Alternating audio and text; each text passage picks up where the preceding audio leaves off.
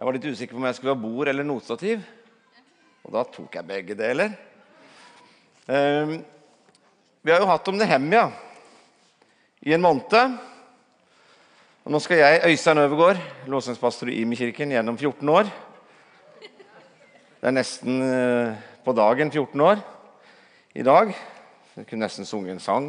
Det er ikke noe sang på det, tror jeg, men kanskje jeg kan skrive det. Eh, vi har snakka om dette å bygge. Eh, jeg har lyst til å snakke om å bære for å bygge. Er ikke det bra? Å bære, Vi har begreper som trøste og bære. ikke sant? Det kan hende det kommer til deg i løpet av denne talen flere ganger.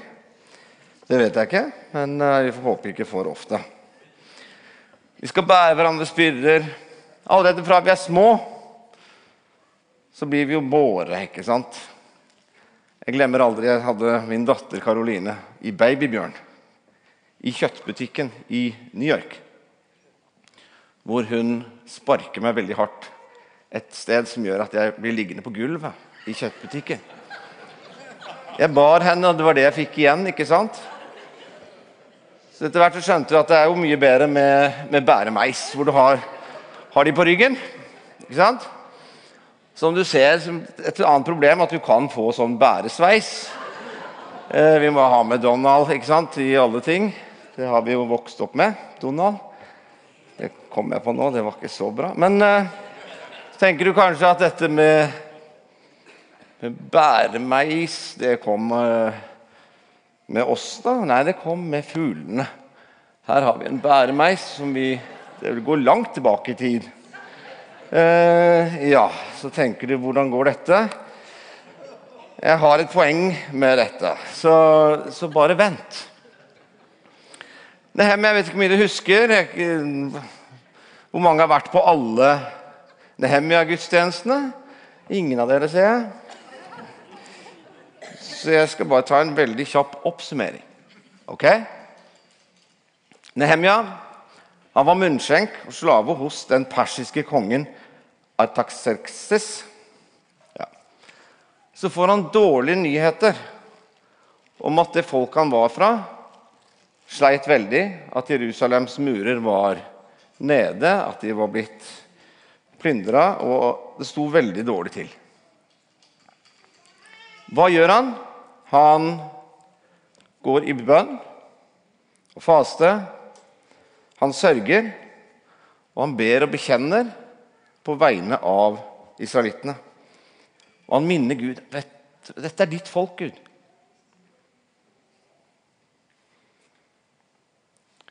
Så går han etter å ha vært innenfor Gud. Så får han tanken at han skal gå til kongen og spørre om han kan få lov til å reise. Så husk på, Her har vi en som var der som munnskjenk og slave. Han skulle sørge for at ikke kongen døde, for han skulle teste disse tingene han skulle spise for han ikke skulle bli forgifta sånn. Jeg spør om jeg kan få lov å reise. Og ikke nok med det, men jeg skal spørre om han kan gi meg noen sånne brev som gjør at jeg får gratis tømmer og jeg får komme hvor jeg, reise hvor jeg vil. Er ikke det litt frimodig? Ikke, noen ganger så pleier jeg å liksom tenke hvordan ser muligheten ut, ikke sant? Da jeg var yngre, i tenårene, så tenkte jeg jeg tror kanskje jeg har sjans på henne, men hun har jeg aldri sjans på. Hun er jævlig meg lik, skjønner du. Noe, altså, vi setter begrensninger i hodene våre ut ifra hva vi ser og tenker om oss sjøl. Men det var tydeligvis et eller annet som gjorde at han var kanskje slave og munnskjenk i det ytre, men det var noe han bar på, som gjorde at han tenkte annerledes, trodde annerledes. Så ser vi at han får reise. Muren bygges opp. Begynner å bygges opp. Da har jeg en sånn Ja, jeg har forberedt sånn. Jeg tror det er sånn så, så det, det heter helt PowerPoint før, men nå er det jo ikke det. Det er keynote. Kan alle si keynote? Ja, ok. Så ser vi hvordan etter hvert så blir det jo motstand, og det blir mismot blant folket. Men Nehemia står der og sier, 'Vær ikke redde. Tenk på hvem Gud er', sier han. Så etter hvert så ser vi hvordan de får ut, altså Muren fullføres. Han innsetter levitter i tjeneste innenfor Gud. Det står at han valgte folk til ledelse som fryktet Gud. For han har skjønt er, det er noe som er viktig med det.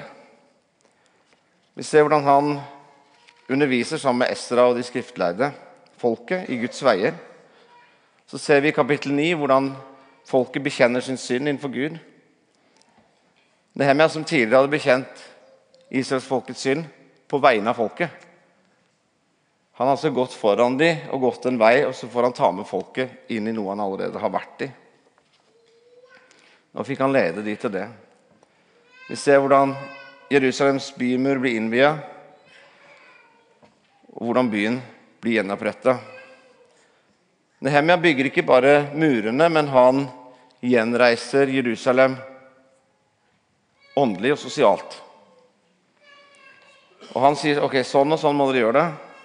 Så etter hvert så reiser han tilbake til kongen. Og du vet hva som skjer da? De begynner å rote og tulle. Så han må reise tilbake og si men nå må dere slutte med det. De kan ikke gjøre det i tempelet. Du skal ikke liksom begynne å flytte inn i forgården. Og så må han på en måte gå inn. Og så hadde de undervist dem om hvordan ting skulle være. Men straks han trakk seg vekk, så begynte de å tulle. Hvorfor det? Jo, for de hadde kanskje fått høre ting med hodet, men de var ikke bærere av det med hjertet. De eide ikke det som Nehemia eide.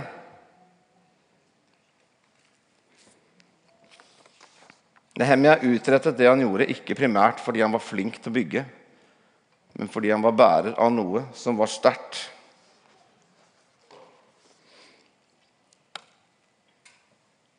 Du bygger det du bærer. Dette er altså et punkt, hvis du var i tvil.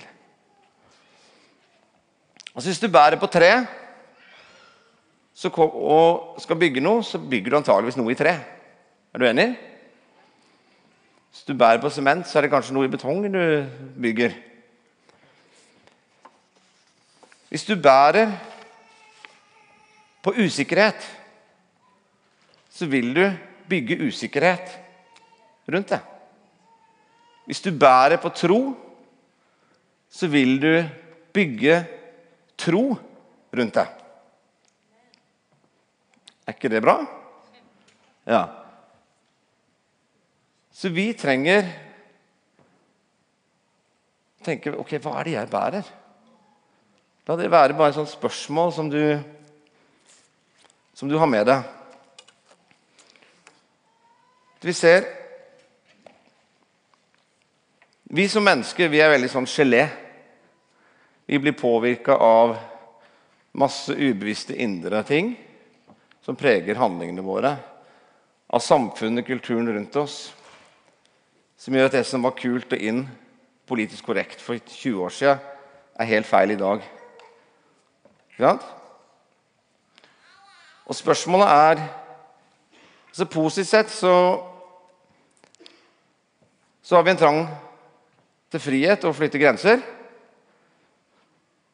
Men det er jo negativt. Og Da må vi bære på noe som hjelper oss til å se forskjell. Det er klart at når vi sto og vaska opp for hånd, til og med før Zalo ikke sant? Så er det jo fantastisk grense å flytte at vi lager en vaskemaskin. Vi får mer frihet. Er du enig? Ja? Er det noen som er takknemlig for vaskemaskinen? Ja? Oppvaskmaskinen?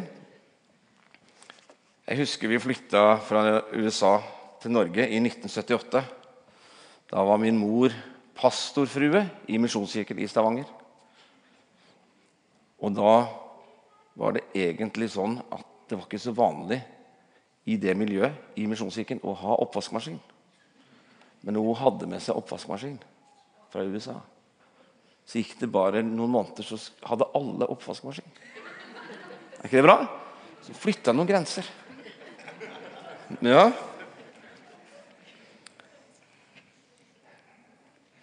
Men det, det er også sånn at vi flytter grenser hele tiden på andre ting. Hvis du ser forskjellen på MTV i 1982 og i dag, hvordan de hele tiden flytter grenser. Ikke sant? Hvor de etter hvert må liksom leie inn folk fra pornoindustrien for å gjøre det seksualisert nok til at det skal være grensesprengende nok. Det tyder jo på at det er mye som bare flyter her. Vi, vi trenger en verdiforankring. Nehemja hadde Han bar på noe som sto fast. Som gjorde at han ikke bare var i stand til å gå inn og gjøre en forskjell og gjenreise noe. Men han var på noe som, som ble som et kompass i hverdagen hans, i livet hans, uansett omstendigheter, om han var slave eller fri. Han ble jo faktisk stattholder etter hvert. Fikk ansvaret for dette området, utnevnt av kongen. Det er ganske, Hvis du hadde sagt det til han da han var yngre og slave og munnskjenk Gud kan gjøre utrolige ting gjennom oss. Han var forankret i noe større enn seg sjøl. Og når han hører om Jerusalems skjebne,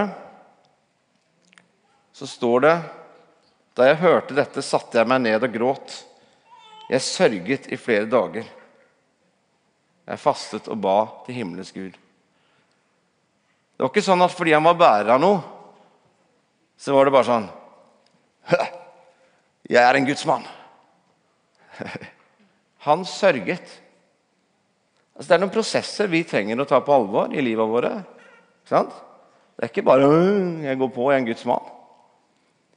Men han sørget, han søkte Gud til han fant den hvilen og det stedet hvor han visste 'nå kan jeg gå'.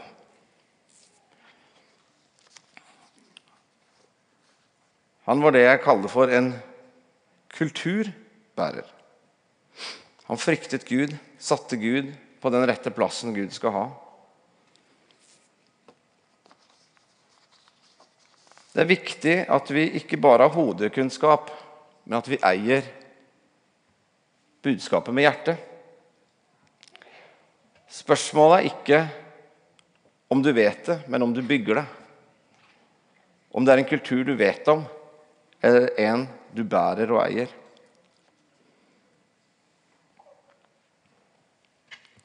Så hvem er du du tenker at du er? Identiteten vår vi handler veldig mye ut ifra hvem vi tror vi er. Hvis du kommer til en ulykke, en bilulykke, og det er litt skader, og du vet at jeg er en lege, så går du inn og tar tak. Er du enig? De, skal, de må liksom det, de. Så de har egentlig ikke noe valg. Hva er det vi er bærere av som kristne, som gjør at når vi ser noe, så er det ikke sånn 'uff a meg', men det er 'ok, jeg må gjøre noe'. Når vi ser noen som er syke, så sier Gud at vi skal få lov til å ha tro til Gud og be for dem. Det er vi bærere. Et budskap om en Gud som vil gripe inn.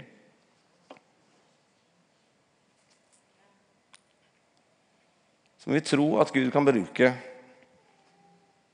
det du har. Det viktigste er å forstå hvor stor Gud er, ikke hvem du er. For når du ser hvem Gud er, så vil det automatisk forvandle synet på deg sjøl. Det viktigste du gjør, er å forstå og be Gud åpenbare for meg på hvem du er.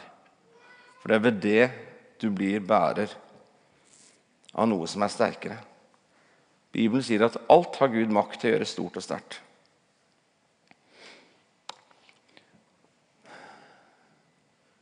Så er spørsmålet hva vil du bygge?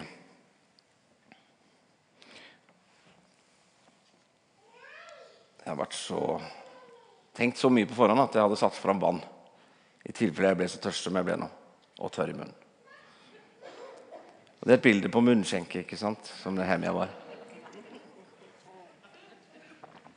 Beklager. Ja.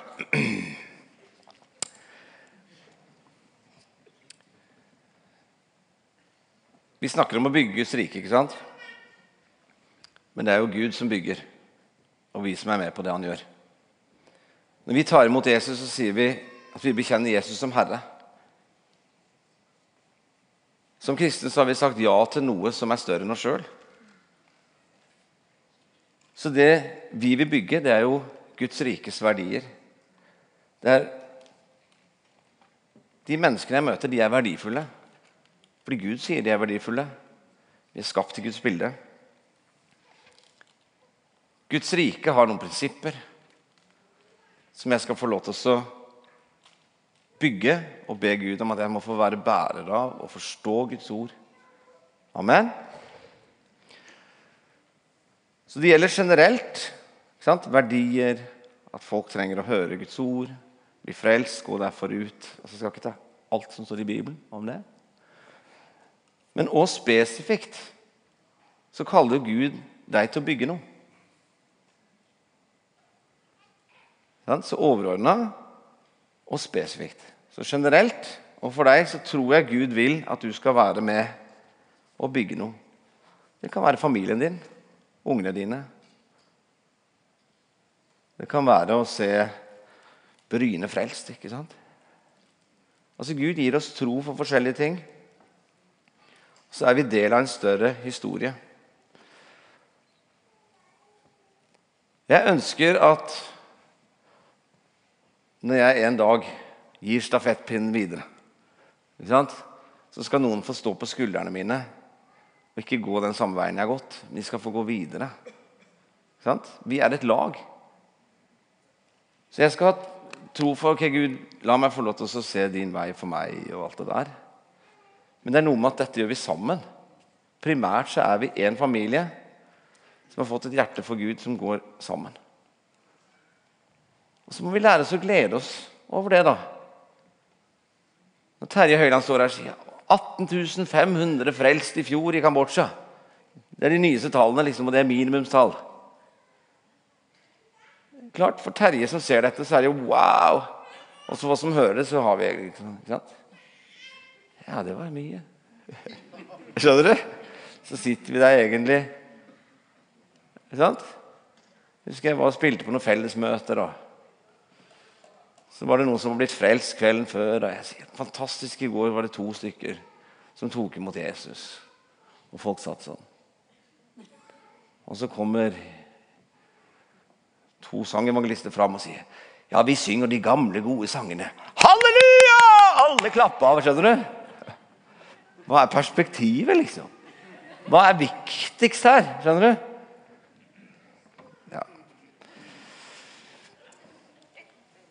Jeg ønsker at vi skal være et lag. Og når jeg ser noen når jeg ser noen av låsangslederne eller musikerne skinne Som jeg har sagt mange ganger før det er mye større glede. Så Lær deg å glede deg over det Gud gjør. Lær deg å tenke at når du hører nyheter som er helt mind-blowing av hva som Gud gjør i menigheten vår, så er det deg. Er ikke det bra? Ja? Amen. Ok, Så vi vet litt om hva vi vil bygge, og så vet vi ikke helt, for jeg kan ikke si det helt spesifikt for alle, for det tar litt for lang tid. Ellers hadde jeg selvfølgelig kunne gjort det veldig lett. Nei da, jeg kan ikke det. Vi må alle gå vår vei med Gud. Men jeg har noe good news. Jeg snakker om at vi bærer det vi bygger. Vi bygger det vi bærer, ikke sant? Så tenker jeg å, jeg kanskje ikke bærer av det. Og de andre er bedre enn meg. Og se på han, han står og taler. Og han har sikkert bedt hele uka. Her sitter jeg. Og, skjønner du? Jeg har good news. Du bærer allerede det du skal bygge. Er ikke det nydelig? Så det er ikke sånn at du liksom ikke har det. Gud har lagt det ned i det. Jeg skal forklare litt mer.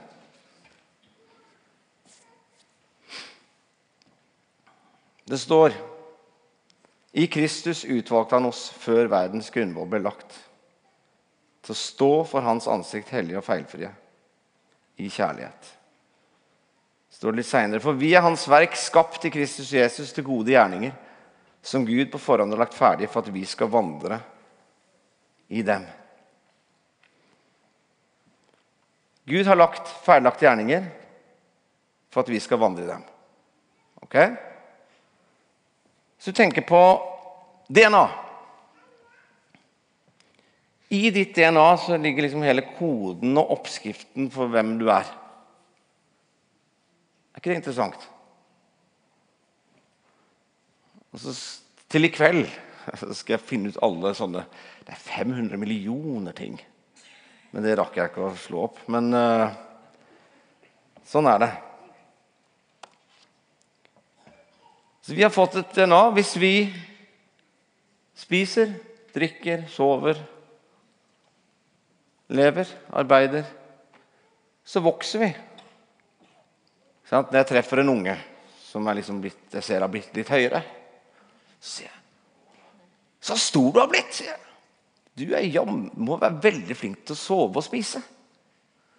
For jeg, vært, jeg er jo far og har hatt små unger og vet at av og til så er det et slit å få dem til å ville sove og til å ville spise. Så jeg prøver å hjelpe litt. Det er ganske basic. ikke sant? Hvis vi tar vare på å spise og de tinga vi trenger, så vokser vi fysisk. Det er det ganske mange her som er bevis på. Ja? Amen. Hvis vi ser nå på Hvis Gud har tenkt så detaljert om deg på det fysiske Kan vi snakke om noe som jeg har kalt for vårt åndelige DNA?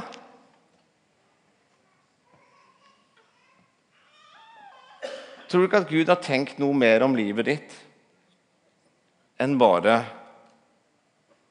de helt utrolige detaljene som ligger i DNA? Jeg tror det. Jeg tror det ligger et potensial i meg som menneske fysisk. F.eks.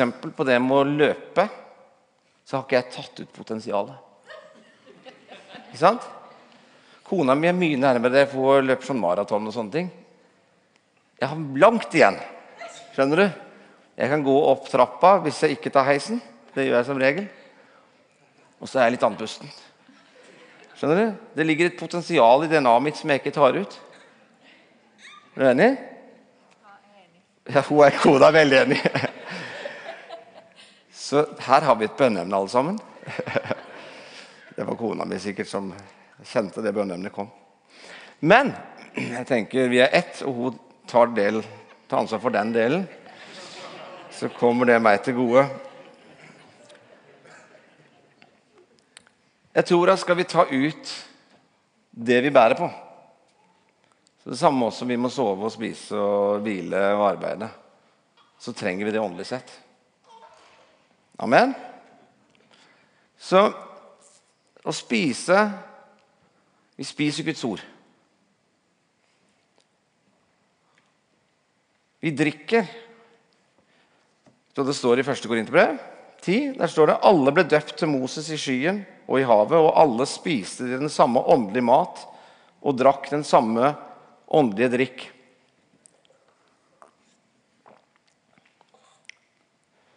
For de drakk av den åndelige klippe som fulgte dem, og denne klippen var Kristus.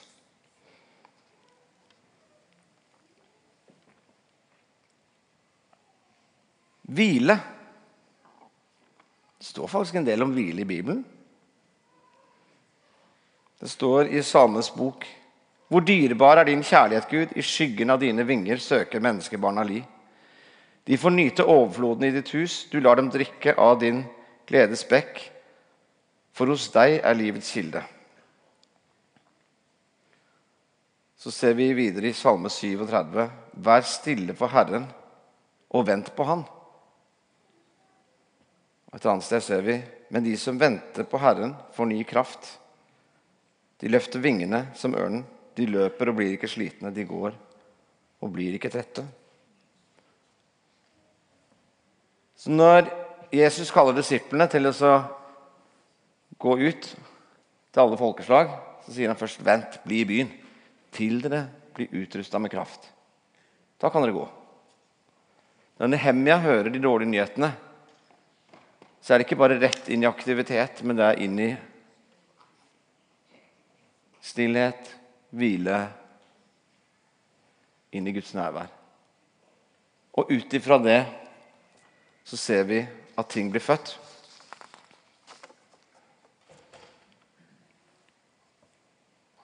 Og så lever vi i tjeneste for Gud, hvor vi kan få lov å ha forventning om å utvikle oss.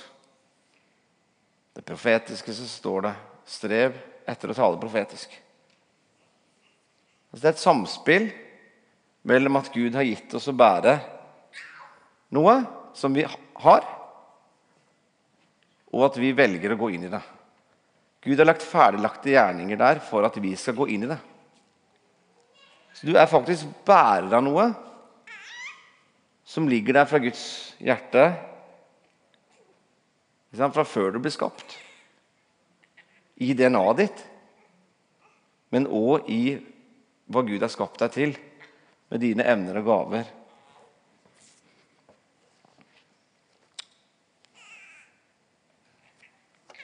Altså, det er et under at dette går såpass bra med tida. Så det er kjempefint. Vi har ikke så veldig mye igjen. Amen.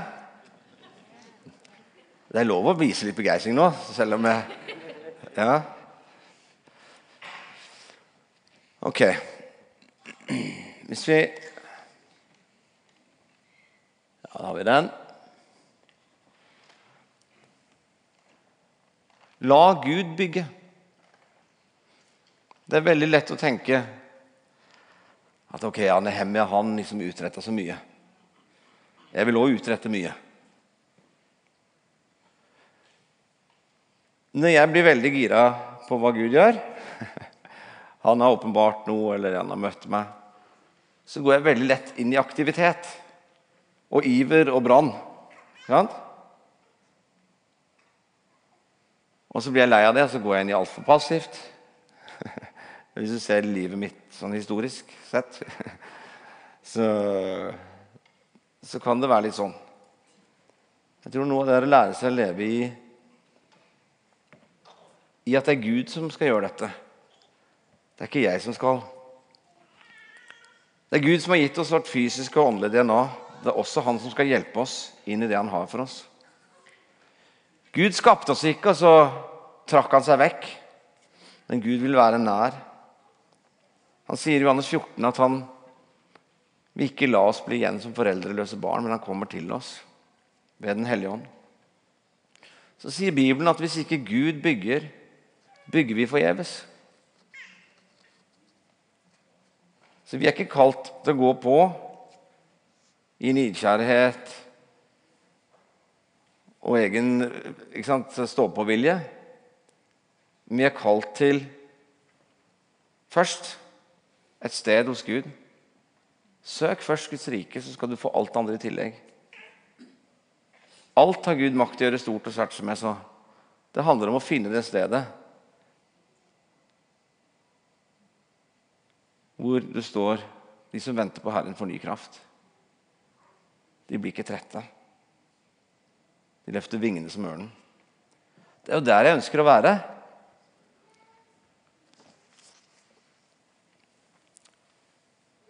Johannes 15 står det, 'Jeg er vintreet, dere er greinene.'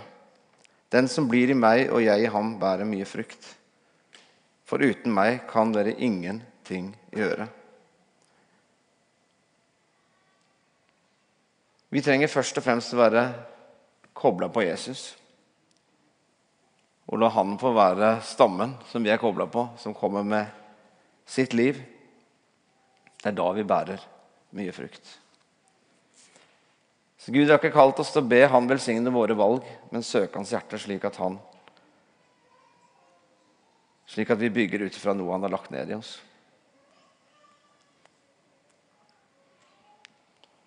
Så kan vi snakke om for misjonsarbeidet, som jeg elsker å snakke om. For det er jo helt fantastisk det vi får være med på. Hvis du ser den reisen fra De hadde 25 misjonærer som vi ba for på søndagene. Og vi ga litt overalt og hadde egentlig ikke noe veldig sånn eierskap til misjonsarbeidet. Til vi begynte å søke Gud. Gud, hva er det du ser? Hvordan kan vi forvalte misjonsoppdraget? Og så ser du hvordan på en måte det gjør at Gud løfter opp Kambodsja for oss. Og så ser vi hvordan over lang tid med kamp og kjemping så ser vi gjennombrudd på gjennombrudd. Og hvordan nå vi vet flere titalls tusener har fått lov å ta imot Jesus. Det er jo ganske sykt. Altså, det er jo ganske mange ganger i Imi-kirken skjønner du, som har blitt frelst. Og utgangspunktet var vet du hva, Gud, det kan jo ikke være sånn. Hva er din tanke om dette? Og så begynner det å bære masse frukt. Det gjelder for en menighet, men det gjelder også for meg som person. Jeg må la Gud være den som bygger, og så kan jeg være med på det han gjør. Som Nehemia som søkte Gud, så trenger jeg å søke han. Hva er det? Hva er det som skjer nå? Det kan være en Arne som i møte med urettferdighet Vet du hva? Gud, hva er dette? Så kjenner han Gud kaller han til noe som får betydning. Ikke sant? Gud må få være i sentrum, for det handler ikke om deg. Det handler om noe Gud gjør. Vi må tro at Gud kan bruke oss. Det er ingen av oss som er vanskelige tilfeller for Gud. Det er ikke det. Bare tenk på Gud, da, som har skapt denne planeten. Som er bare en ert i forhold til de største planetene og, solene vi har i universet. Og så er du liksom en maur. Du? Er ikke det engang i det store bildet. Men Gud ser deg. Tror du at du er et for vanskelig tilfelle for at Gud kan bruke deg? Det Gud har lagt ned i deg, er kjempesterkt. Altså, du bærer på noe som er så kraftfullt. Den samme kraft som oppreiste Jesus fra de døde, bor i deg, står det.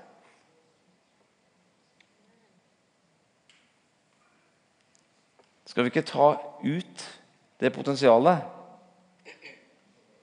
så trenger ikke det å bety at du skal vinne Skandinavia for Jesus. Men det kan bety at du skal få lov til å være en del av dette laget der Gud har utrusta deg, og hvor du får lov å bety noe. Enten du sitter i veiledning med noen og gir dem mot til å gå på, eller du hilser folk velkommen i døra. Du inviterer noen hjem på middag som trenger det mange ting å gjøre. Er du enig? Ja? Så det går mot slutten nå. Jeg er i ferd med å lande flyet. Så er det ikke sånn at dette skjer sånn. Hvis du skal la Gud bygge, så må du la deg forvandle.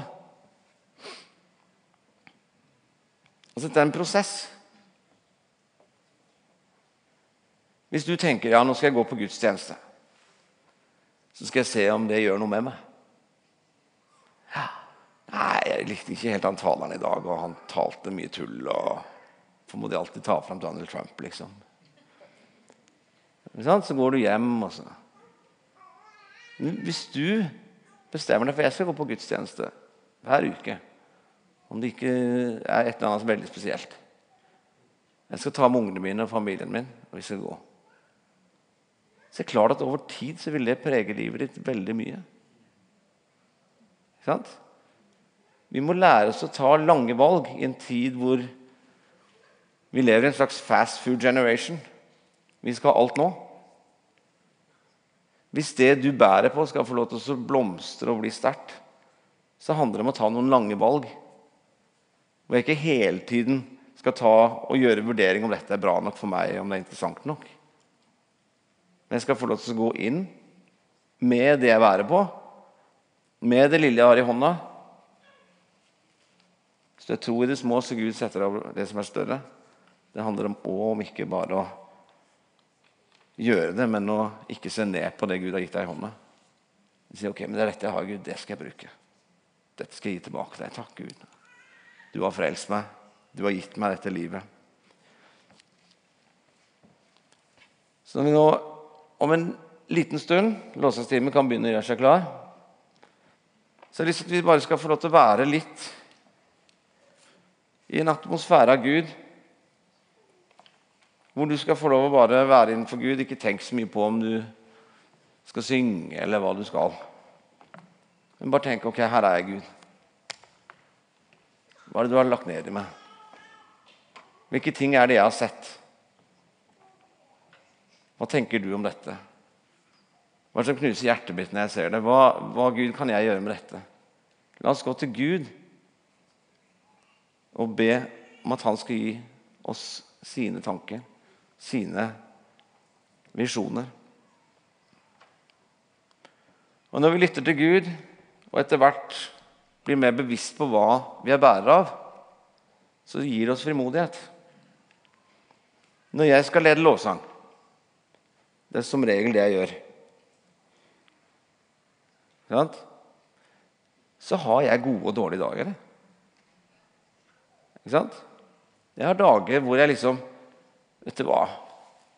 I dag burde egentlig noen andre lede lovsang. Skjønner du? Jeg er bare ikke på plass.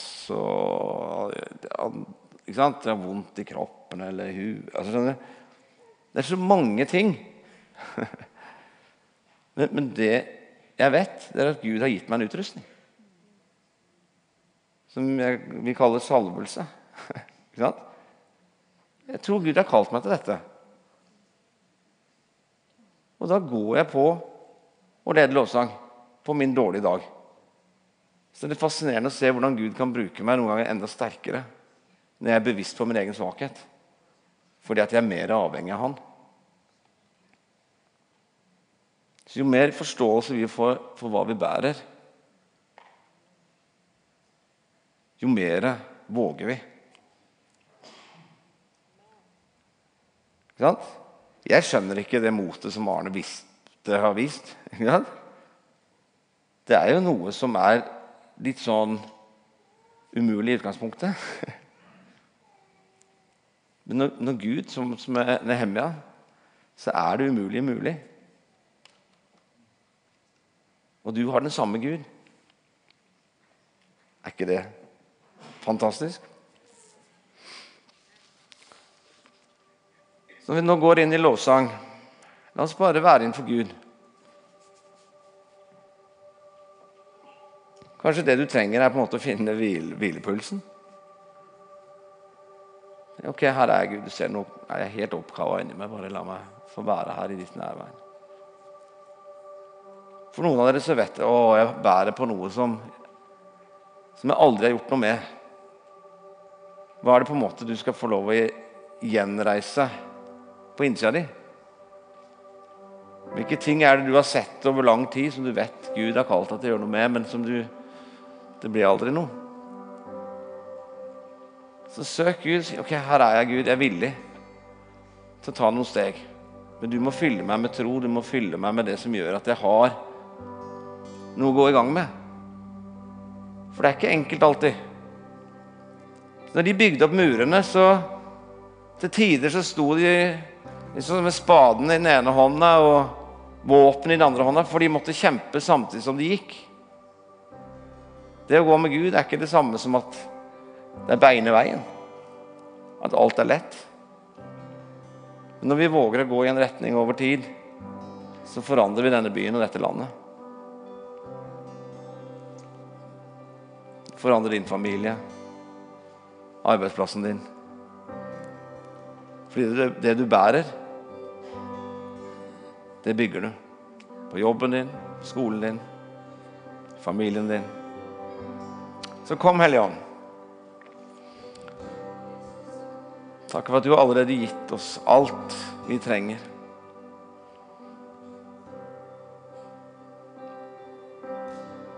Kommer din fred, kommer din hvile.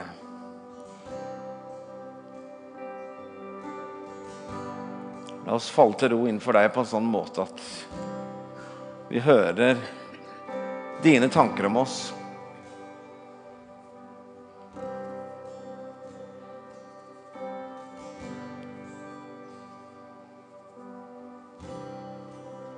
Du definerer oss ikke ut fra omstendighetene våre eller CV-ene våre, men du definerer oss ut fra at vi er dine barn, og ingenting er umulig for deg, Gud.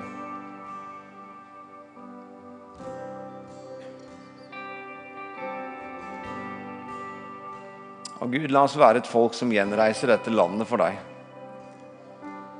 Det blir et sted hvor vi tilber deg og